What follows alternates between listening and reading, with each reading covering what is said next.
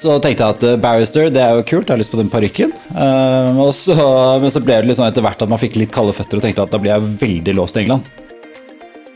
Vi kaller jo det Norges, Norges mest digitaliserte nybyggprosjekt uh, gjennom tidene, egentlig. Og det er det jo fordi det var det. Det var jo et helt nytt nivå uh, når det kom.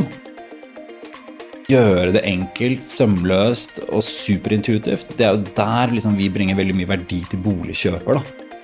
For vi har jo alltid vært cash-positive hele veien, vi, før vi henta penger. Det var da vi begynte å tape penger. Det vi på en måte eh, skal gjøre, det er jo til en viss grad det er å berike kundereisen. ikke sant? Slik at det blir enklere å kjøpe bolig. Det er jo primærmotivasjonen. Proptech til frokost med Silje og Daniel. En podkast fra Estate Media og Proptech Norway. Velkommen til ny episode av Proffdekk til frokost. God morgen. God morgen. Nå er uh, sommerferien overstått. Og Daniel, du så veldig uthvilt ut, men uh, jeg vet at du er litt stressa? Deilig å være ferdig med alt det med familie og ferie og sånn. Altså. Nå er det Proptech Summit om bare noen uker. Uh, det blir jo årets største happening i eiendom og teknologi. Så der er vi i full fart med å planlegge. Så de som er sent ute, må egentlig sikre seg billetter til fagsesjonene nå og registrere seg for den store festen. Ikke minst 15.9. Løp og kjøp. Løp og kjøp. Du, jeg tenker at vi går eh, rett på innledning. Dagens gjest han kjenner jo jeg litt fra før, så jeg gleder meg til å høre hva du har å si. ja, jeg gleder meg til å høre hva du har til å si. Eh, vi skal jo nå med en gang etter ferien tilbake til ideen som vi har vært inne på tidligere, om at boliger skal kunne kjøpes på samme måte som en Tesla. Ikke sant? På nett Enkle tilvalg, automatisk prising og oppgjør på én og samme plass. Eh, dette griper jo selvsagt rett inn i en meglerbransje der kontaktnettet og personlig tillit og beinhard jobbing liksom, og den evige jakten på nye salgsobjekter er det som liksom skiller Clinton fra hveten. Eh, men i Norge så er det etter hvert flere selskaper nå som utfordrer denne manuelle måten å gjøre det på. Og som egentlig leder an i automatiseringsbølgen. Ikke bare i Norge, men, men ute i verden. Eh, selskapet Plyo driver i et nøtteskall, altså med markedsføring av nybygg. Eh, og har gjort det en stund allerede, siden 2014. Eh, målet til Plyo er en heldigitalisert kjøpsprosess av nye boliger Eh, hvor da automatiseringen skal åpne opp for liksom, enklere boligkjøpsprosesser, og at midler da, for verdiskapende markedsføring skal benyttes mye bedre. Eh, så vi har eh, invitert Herman Venstad eh, til oss i dag for å fortelle om den eh, veldig spennende reisen som Plyo er på, og hvordan framtidens eh, boligkjøp vil se ut. En veldig kort innledning fra meg sånn relativt sett. Velkommen hit, Herman. Jo, tusen takk. Takk for at du fikk komme. Ja, det måtte være litt kort i dag, for nå har du så mye annet å tenke på, Daniel. Men uh, Herman, uh, ja, du var med å starte Plyo for snart uh, åtte år siden. Mm. Og jeg har jo kjent deg lenge, så vi må gå litt tilbake i tid for å forstå hvordan du endte opp i Proptech. For det var ikke gitt da jeg møtte deg på videregående og du gikk i rosa bukser og kjørte kabriolet. Um, etterfulgt av to jusgrader uh, fra Edinburgh, og du studerte i London med øye mm. på maritim rett. Men uh, hvordan endte reisen din hit til oss i Proptech i frokost? Ja, altså Det er jo en uh, lengre samtale, kanskje. Men Vi har god tid, sånn, uh, i utgangspunktet så skulle jeg bli uh, barrister, altså advokat. Det er jo de med parykk i, i England. Ja, Skrankeadvokat. God gammeldags. Og, og, og, i Norge så blir du jurist, og så blir du advokat. Men i England så må du på en måte velge enten eller. Og så tenkte jeg at barrister, det er jo kult, jeg har lyst på den parykken. Uh, men så ble det litt sånn etter hvert at man fikk litt kalde føtter og tenkte at da blir jeg veldig låst i England. Så kanskje jeg har lyst til å bli solicitor eller jurist i stedet. Eh, fordi da står jeg litt friere, fordi det er de som jobber med en kunde. Og da kan man kanskje rådgivende gå litt sånn bredere etter hvert. Eh, men så misset jeg den deadline for å liksom søke på det kurset. Og så hadde jeg gjort en internship på et software-selskap for å bare lære meg litt om shipping, som het Estox, som drev og digitaliserte papirflyt i shipping. Så da visste jeg jo ikke helt hva jeg skulle gjøre, da, så fikk jeg lov til å utvide det internshipet jeg hadde med det software-selskapet. Um, og så ja, så hadde jeg noen ideer til Egentlig jobbet jeg litt på account-siden, men så hadde jeg litt ideer til sånn produkt og sånne ting. Så jeg lagde ting i paint i Windows, som det het mm. for 100 år siden. Og lagde noen da ideer, og så syns jo liksom ledelsen av de at det var bare sånn Wow, hvordan fikk du dette her? Og ja, jeg lagde paint og sånn, og så lang historie kort, så har jeg min offisielle liksom, utdanning innen det digitale er én uke Photoshop-kurs. Uh, så gikk jeg med det gikk jeg til å bli liksom, lead product designer der. Endte med å redesigne hele den plattformen. Uh, og de gikk jo videre til å bli en de globale spillerne på sitt felt. Så jeg fikk jo ganske mye sånn kudos for å simplifisere en ganske kompleks prosess. Mm. Og det var litt da jeg skjønte at jeg kanskje har et, et knack innen produkt, digital produktutvikling. Og spesielt når det kommer til å simplifisere komplekse eller forstå struktur og simplifisere de, og så igjen visualisere de, det er noe jeg på en måte kan gjøre. Og så er det jo litt det jeg liksom har dratt med meg inn her. Uh, så et par stepstones senere så var jeg innom et uh, selskap i Oslo. Veldig gammeldags sånn, uh, forsikringssoftware-selskap. Uh, lærte veldig mye om hva man ikke skal gjøre. Uh, og så gjorde jeg litt frilans. Ja, det er viktig, det også. Ja, det er kjempeviktig. ikke sant? Uh, det var en uh, kamp for tilværelsen det året der, skal jeg være helt ærlig. men så gjorde jeg litt frilans og litt sånne ting. Og så startet jeg da Plio etter sånn to år med middager og pils. Så ja, Fortell om veien og unnfangelsen av, av Plio. Det var kanskje liksom ikke i en gammel garasje, så, så, i hvert fall i en liksom kald leilighet på Løkka, jeg har skjønt? Ja, vi, Aksel Gressvik, min co-founder, vi er jo barndomsvenner og familievenner. Så jeg har kjent han på en måte hele livet. Eh, men han har vært ute, og jeg var ute lenge, og litt sånne ting. Vi ramla bortpå hverandre ute på byen. Og bare ok, vi tar en pils. Ingen av oss hadde noen å snakke software med. ikke sant? Mm. Det var sånn Ikke slutt å plage meg. Uh, så blir det til at vi bare begynte å ha litt middager og pilser. Og så to år liksom down the line så bare ok, nå gjør vi det. Og da sluttet jo han i Accenture. Så han gikk jo fra liksom den trygge karrieren sin, og jeg var jo frilans og hadde ikke noe på stell, liksom. Så for meg var det jo fin vinn, ikke sant. Men, men litt men, liksom sånn, hvordan fikk dere det igjen? Det er litt interessant å høre. Uh, altså, I Plius sin på en måte sfære så har jo ting blitt litt til som det, vi har gått. Så vi begynte jo den kalde eh, Løkka-leiligheten min og satt i stua der. Og, og min samboer kom inn, og tøflene til Aksel sto, sto, i gangen. Og han kom inn hver morgen, og hun lagde smoothie. Og det var jo også et kapittel. Um, men det var jo litt sånn at jeg hadde jo gjort uh, litt frilans og litt websites og Wordpress og sånne ting. Og så var jo hatet til det. Uh, og da tenkte jeg at uh, kanskje vi skal bare begynne å lage vår egen CMS eller sånn content management-system. Mm. Uh, sånn nettsideplattform. ikke sant? Og så var jo da selvfølgelig en kompis av Aksel. For han har ganske mange venner hvor familien er litt i eiendom og sånn. Så, så, da var det en av de kompisene hans som trengte nytt selskap til da familie, eiendomsfamilieselskapet. Mm. Og da ble det sånn Ja, vi kan jo hjelpe deg å lage en side for eiendomsselskapet ditt. Yeah. og det var jo helt sånn det begynte. Så det var egentlig litt tilfeldig at det egentlig ble eiendom. Uh, og så var det jo 3D State, som vi også har gjort ganske mye med. Uh, der er jo også Han ene gründeren der er jo uh, venn av lillebroren til Aksel. Og da var det sånn, du må snakke med de, de også noe inni der. Mm. Og da ble det til at vi begynte å samarbeide litt. Og så en, et steg etter det andre så forvillet vi oss nedi veien. Og på en måte plutselig så ble det jo bare eiendom, og det er veldig tydelig at dette er det vi holder på med. Så det var egentlig litt sånn tilfeldig at vi ramla inn i den gata der. Laft tilbyr en fullverdig FDV-løsning som bidrar til enklere og mer effektiv drift både for små og store eiendomsbesittere. Digitaliser den daglige driften, få bedre innsikt og ta bedre beslutninger for porteføljen. Vi leverer moduler for DV, utleie og renhold, i tillegg til en rekke andre tjenester og integrasjoner. Les mer på laft.io.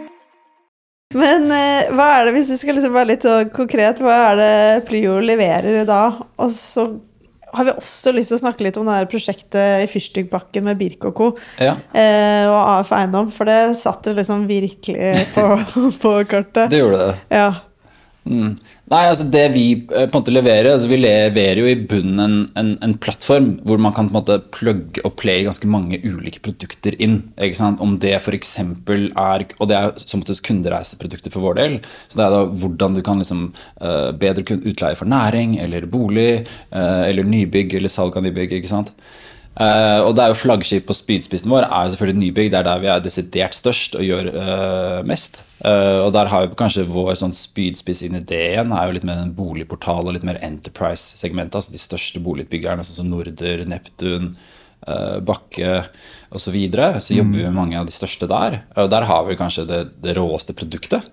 Uh, når man skal liksom samle alt og begynne å forene markedsføring og salgsaktivitetene sine i ett og samme sted. Mm. Uh, det er jo der vi åpner veldig mye verdi. Uh, ikke bare når det kommer til bedre kundereiser, men også veldig mye på baksiden når det kommer til besparelser, effektivisering, ting på måte kunden ikke ser. og så er det jo litt det der med at vi er jo den eneste rendyrket CMS-plattformen som har alle disse funksjonene som er knyttet opp til salg og utleie av eiendom, mm. i én og samme løsning. Så det betyr jo også at du får et helhetlig datagrunnlag for innsikt. Eh, for hvis ikke så bor boligvelgeren din her en annen løsning, og nettsiden din her, og det er helt umulig å egentlig trekke ut noe innsikt, optimalisering og, og tall. Mm. Uh, så det er på en måte en av de tingene som vi på en måte kanskje er helt fremst på, det er å samle alt på ett sted i én løsning, så du får et helhetlig datagrunnlag. Og så begynner vi å gå opp veien fra liksom presentasjon og visning til boligvelger og litt sånn nå toucher på første pakke 14, men sånn, man kan begynne å gjøre tilpasninger, velge pakkene sine og kanskje ta makrovalgene for kjøp av leilighet. Så flytter vi oss selvfølgelig mot det kjøpet. Mm. Um, og så skal ikke vi gjøre tilvalg av det mange andre liksom det er mikrotilvalg som er ettermarked. Men vi har tro på at den største prosentandelen av boligkjøpere de kommer til å gjøre pakkevalg. Altså interiør, konsept, parkering, planvalg, eh, hvitvarepakke osv. Og, og det, er, det holder at den største prosentandelen av boligkjøpere kanskje ikke har så lyst til å gå inn og velge alle detaljer selv. ikke sant? Um, så er det jo slik at de man greier å lose inn der og på de som velger interiørpakker og velger disse pakkene, mm. det er jo også utbyggerens mest verdifulle salg. Fordi gjennom det så kan du strømlinjeforme liksom baksiden på entreprenørsiden. Og, ikke sant? Du har jo ofte ganske mareritt hvis du har 50 eller 100 leiligheter og alle er unike. Mm. Da, du, da, da, er det ganske mange tråder å holde i.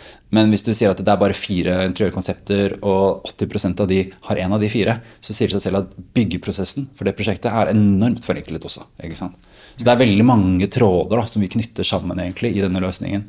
Jeg tenker bare da Fyrstikkbakken er, er, vel et uh, ganske sånn komplisert boligprosjekt. Eller i hvert fall sånn fra for ut, for oss på utsiden så virket det jo at det var ganske mange nye eh, Eller mange muligheter der, da. Mm.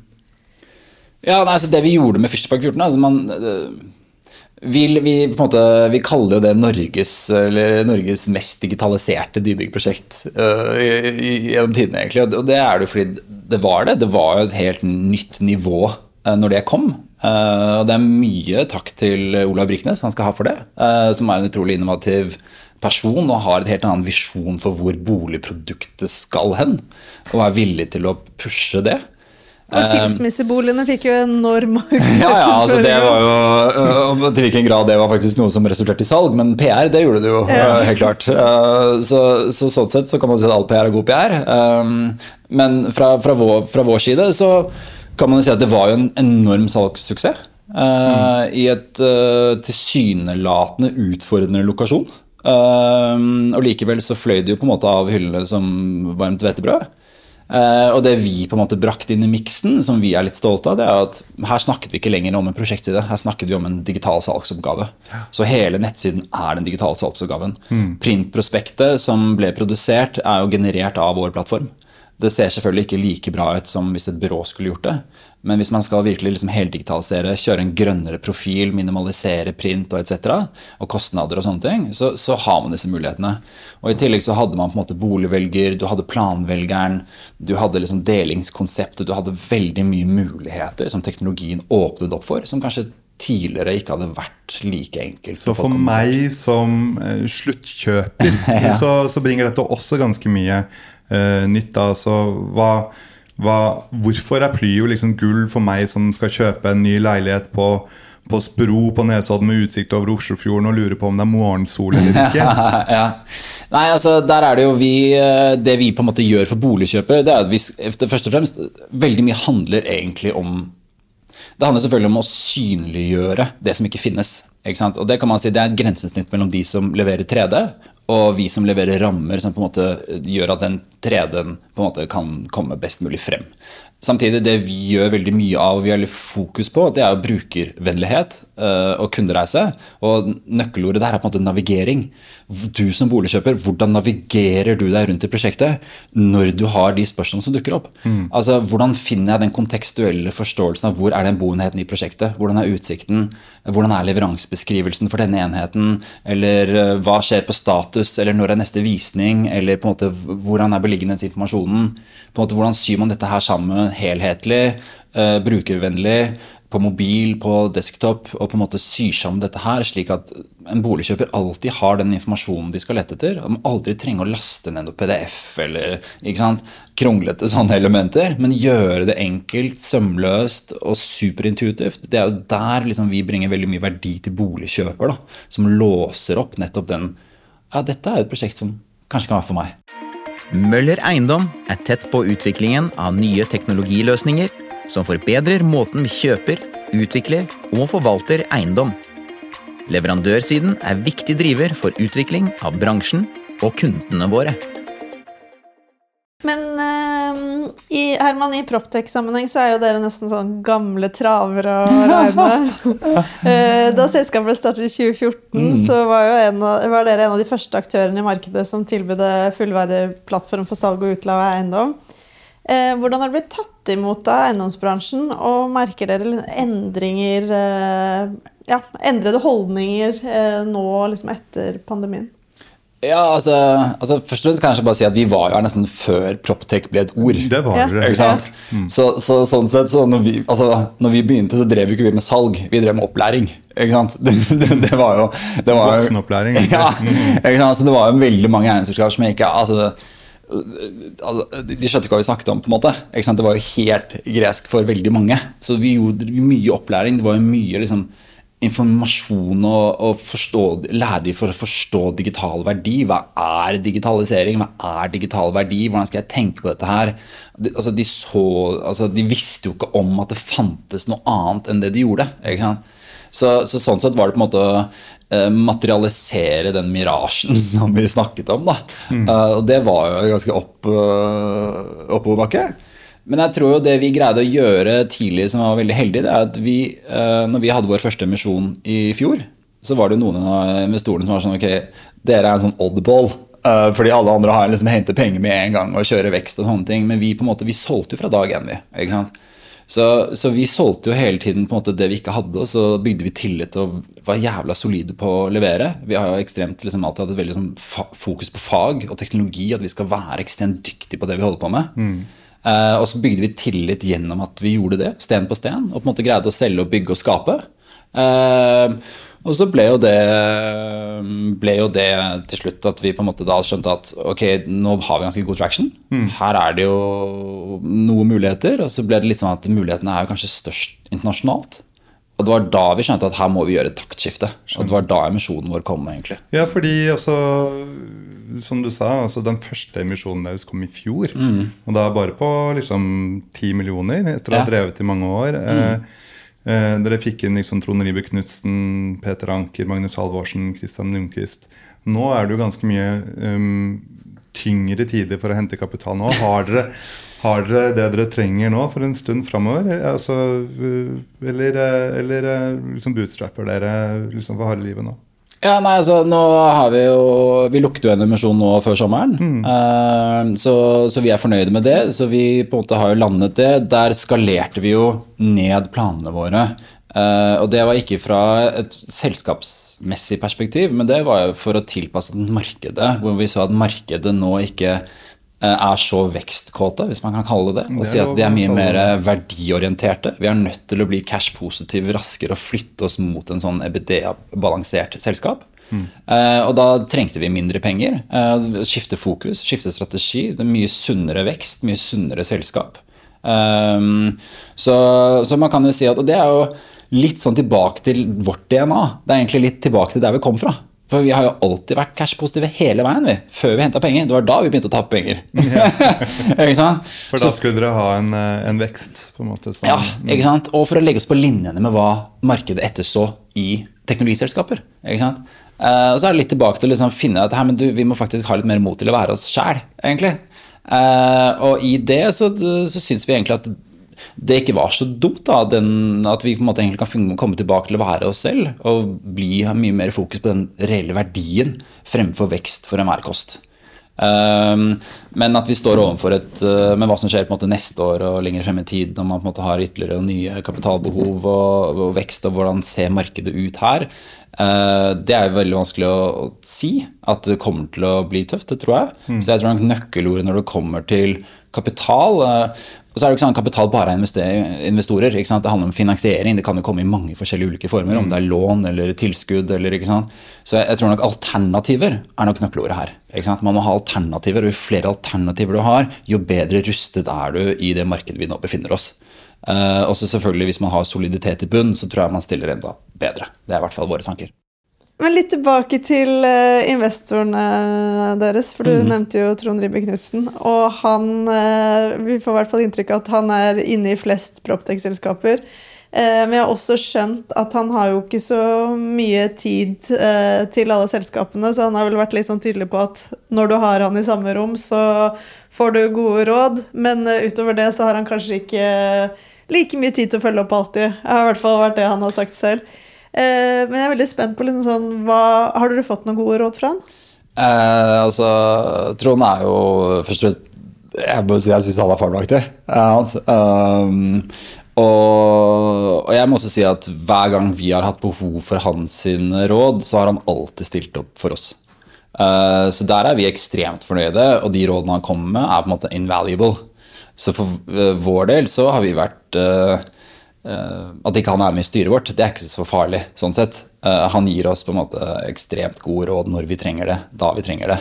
Eh, så at han har stilt opp for oss og vært verdiskapende, ja, enormt. Mm. Bra. Med Life at Work fra VNI er alle byggtjenester samlet i én løsning. Med én og samme app for alt av adgangskontroll og parkering. Til booking av møterom eller matbestilling kan du som gårdeier ta grep om dine verdier og skape en enkel og sømløs hverdag for dine leietakere. Finn ut mer på veni.no. Det er ikke mitt inntrykk at det finnes fryktelig mange tjenester som, som Plyo, eh, verken nasjonalt eller internasjonalt. Noen har vi jo her hjemme, Marketer og, og, og slik mm. som er inne på samme segment. Uh, stort spørsmål. Hvordan, hvordan ser dere på konkurransesituasjonen her? Her hjemme og ute? Liksom, hva er de store tendensene innen kjøp og salg av bolig som gjør at Plyo vil lykkes? Ja, altså det er et ganske bredt spørsmål. Du har litt flere spørsmål i det ene spørsmålet der, så får vi se hvor mye tid du har. ikke sant? Men, uh, men, jeg tror hvis man tar kanskje konkurransesituasjonen først, uh, så er det jo litt sånn at sånn som vi ser det, så så møter vi Marketeer selvfølgelig i noen dører. Det er ikke legge skjul på det. Um, men sånn som vi ser på det, så er kanskje vi mer teknologiorientert. Vi har på en måte én plattform som skal gjøre det denne gjør. Uh, Marketeer har mer løsnings, eller flere løsningssalg uh, knyttet sammen med kanskje enda mer konsulentvirksomhet. Etter at de kjøpte på en måte vi og Eve og, og på en måte nøster sammen kanskje, i hvert fall i mitt hode, blir litt mer sånn Every Accenture av Proptech. En litt annen type aktør.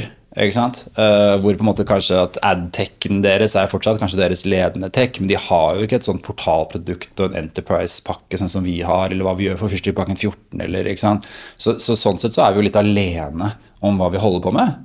Um, og, i hvert fall i enterprise-segmentet så er vi jo på en måte de ledende.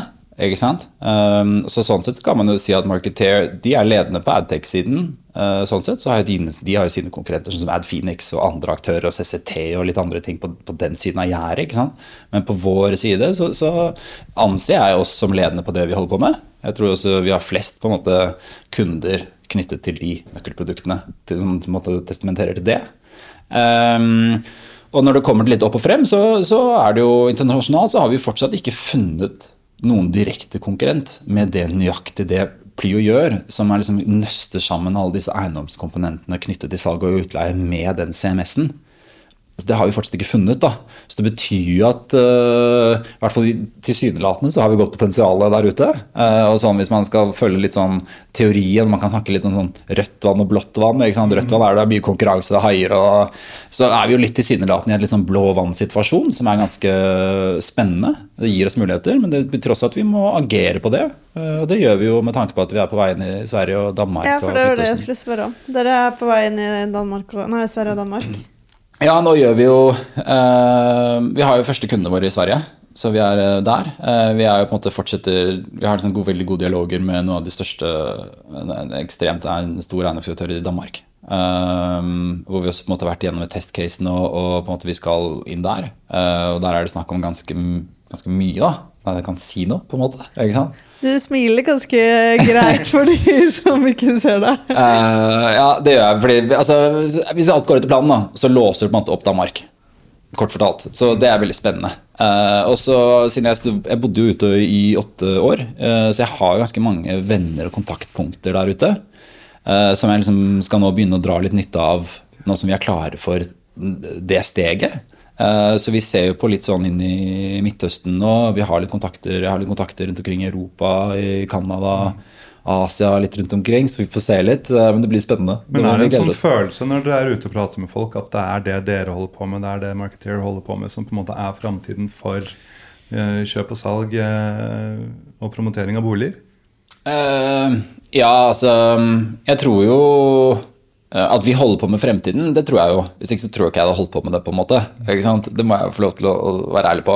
Uh, og så tenker jo jeg at uh, for vår del så er det ikke det er ikke vår oppgave å på en måte si at megleren ikke har en plass lenger. Det er ikke vår rolle. Det vi på en måte skal gjøre, det er jo til en viss grad det er å berike kundereisen. Slik at det blir enklere å kjøpe bolig. Det er jo primære motivasjonen. og så kan man si at En annen motivasjon er jo selvfølgelig knyttet opp mot utbygger at måte, utbyggeren også må ha et eget system. Det har de på en måte ikke helt i dag. De faller litt mellom sprekker mellom kanskje et meglersystem og et CRM-system. og Så har de ikke, ikke sant? Så det er å gi også utbyggeren et digitalt hjem, rett og slett. Eh, som selvfølgelig er litt av motivasjonen her. Eh, og fra en meglers perspektiv så, så, er det jo sånn at de får jo bare enda bedre salg, eh, salg liksom, eller verktøy for å selge og markedsføre. Og kanskje bruke enda mer tid på det de faktisk skal bruke tid på. Det kan være visning eller dialog med boligkjøpere, eller, istedenfor å bruke det på å skanne et papirbudskjema. det, altså, det er jo litt sånn så, så, for vår del så er det ikke sånn at vi skal eliminere noe. Vi er heller bare sånn La oss heller rendyrke litt mer. Og kanskje effektivisere og dra enda mer verdi ut av. Det er kanskje mer det perspektivet som vi eh, er interessert i. Megling før og etter Plyo? Da. Ja. ja, det tror jeg nok man kan snakke om. Men eh, nå er det jo litt sånn usikre tider i vente eh, når det gjelder boligmarkedet og byggekostnader på vei opp mm. og renter og i det hele tatt. Eh, I utgangspunktet, dere skal jo være et besparende og effektivt ledd, så tenker du at eh, vanskelige tider er positivt for dere, eller tror du at noen også kommer til å være litt sånn Ok, da kutter vi den kosten, selv om utgangspunktet det. Da gjør vi det sånn som vi gjorde det før andre ja, verdenskrig. Ja.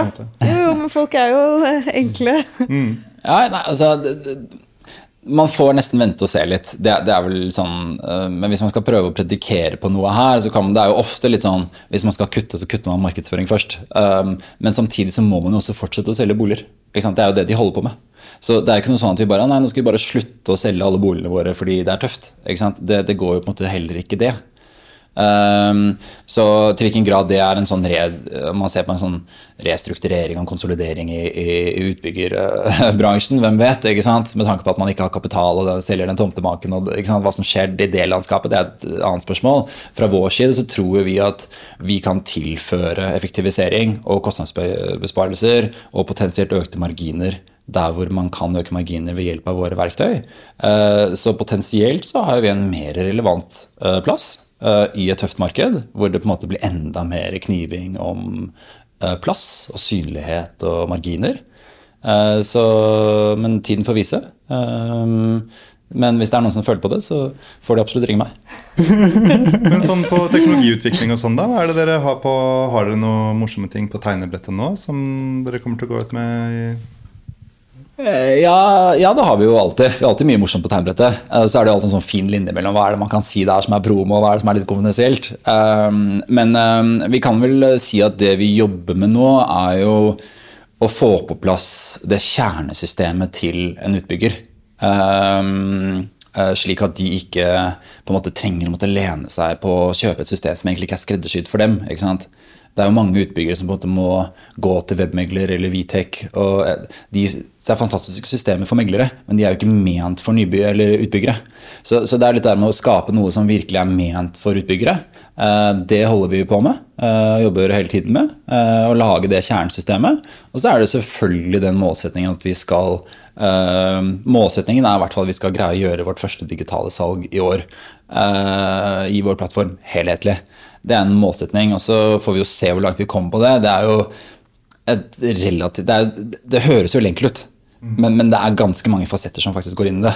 Så vi får se, er vel svaret. Men det skjer hvert, innen Q1 neste år, garantert. Men om det skjer på den siden, forhåpentligvis. Uh, mm. Vi følger med. Dere har jo kjøpt en sånn totemperle i Plio for energiens del. Har den brakt lykke? Ja, altså, Når sant skal sies, så har det jo bare gått én vei siden vi fikk den Totenbilen. Så, så, så, den har i hvert fall ikke brakt noen dårlig vibe. Uh, det gjorde den jo ikke. Uh, så, men uh, det var jo egentlig Når vi hadde ansatt vår fjerde person her i Oslo, så hadde vi en sånn team exercise. Da hadde vi vært og tatt badstue. og så havna vi innpå bare sånn helt tilfeldig. Vi bare går inn og titter her, da. sant? På en eller annen sånn alternativsjappe ved Shangri-La ved Jernbanetorget. Og så så jeg den totempælen som sto bak i hjørnet. Jeg bare, herregud, det her er jo helt fantastisk kul! og så gikk jeg da, så tok jeg meg selv og tenkte på den totempælen i flere uker etterpå. Jeg kom liksom ikke noe rundt den totempælen. Ja. Så sier jeg til Aksel, vet du, Aksel, du, den der, husker du den totempælen? uh, den uh, Han bare, hva med den? Du, Jeg lurer nesten på at vi, vi trenger den. Vi trenger den. Han bare, altså, jeg har ikke noe, Det er ikke sånn at vi har en post i budsjettet Toten PL eh, X 1000, liksom. Så jeg bare ok, greit, la på røret. ikke sant? Og så gikk det en uke, så tenkte jeg bare sånn Men åh, men jeg vet hva som står i budsjettet. Det er at jeg skal få en ny Macbook Pro. Så da ringer jeg Aksel og sier du, Aksel, den der Macbooken min, den kan ikke jeg bare bytte da, den mot Totenpellen? Så bare kan jeg ha den gamle Mac-en min. Jeg har, jeg har, den et år til. Det er helt greit. Hvis jeg får den totenpillen, liksom. Så da ble det bare sånn stille i tre minutter, og så bare ja, greit. Hvis de andre gutta sier det er greit, da gjør vi det. Og så bare var jo alle med, så da dro vi ned og henta han og kjøpte den og fikk Totenpellen på plass, liksom. Så det var jo ja, litt gøy må man ha det. Proptech til frokost med Silje og Daniel. En podkast fra Estate Media og Proptech Norway.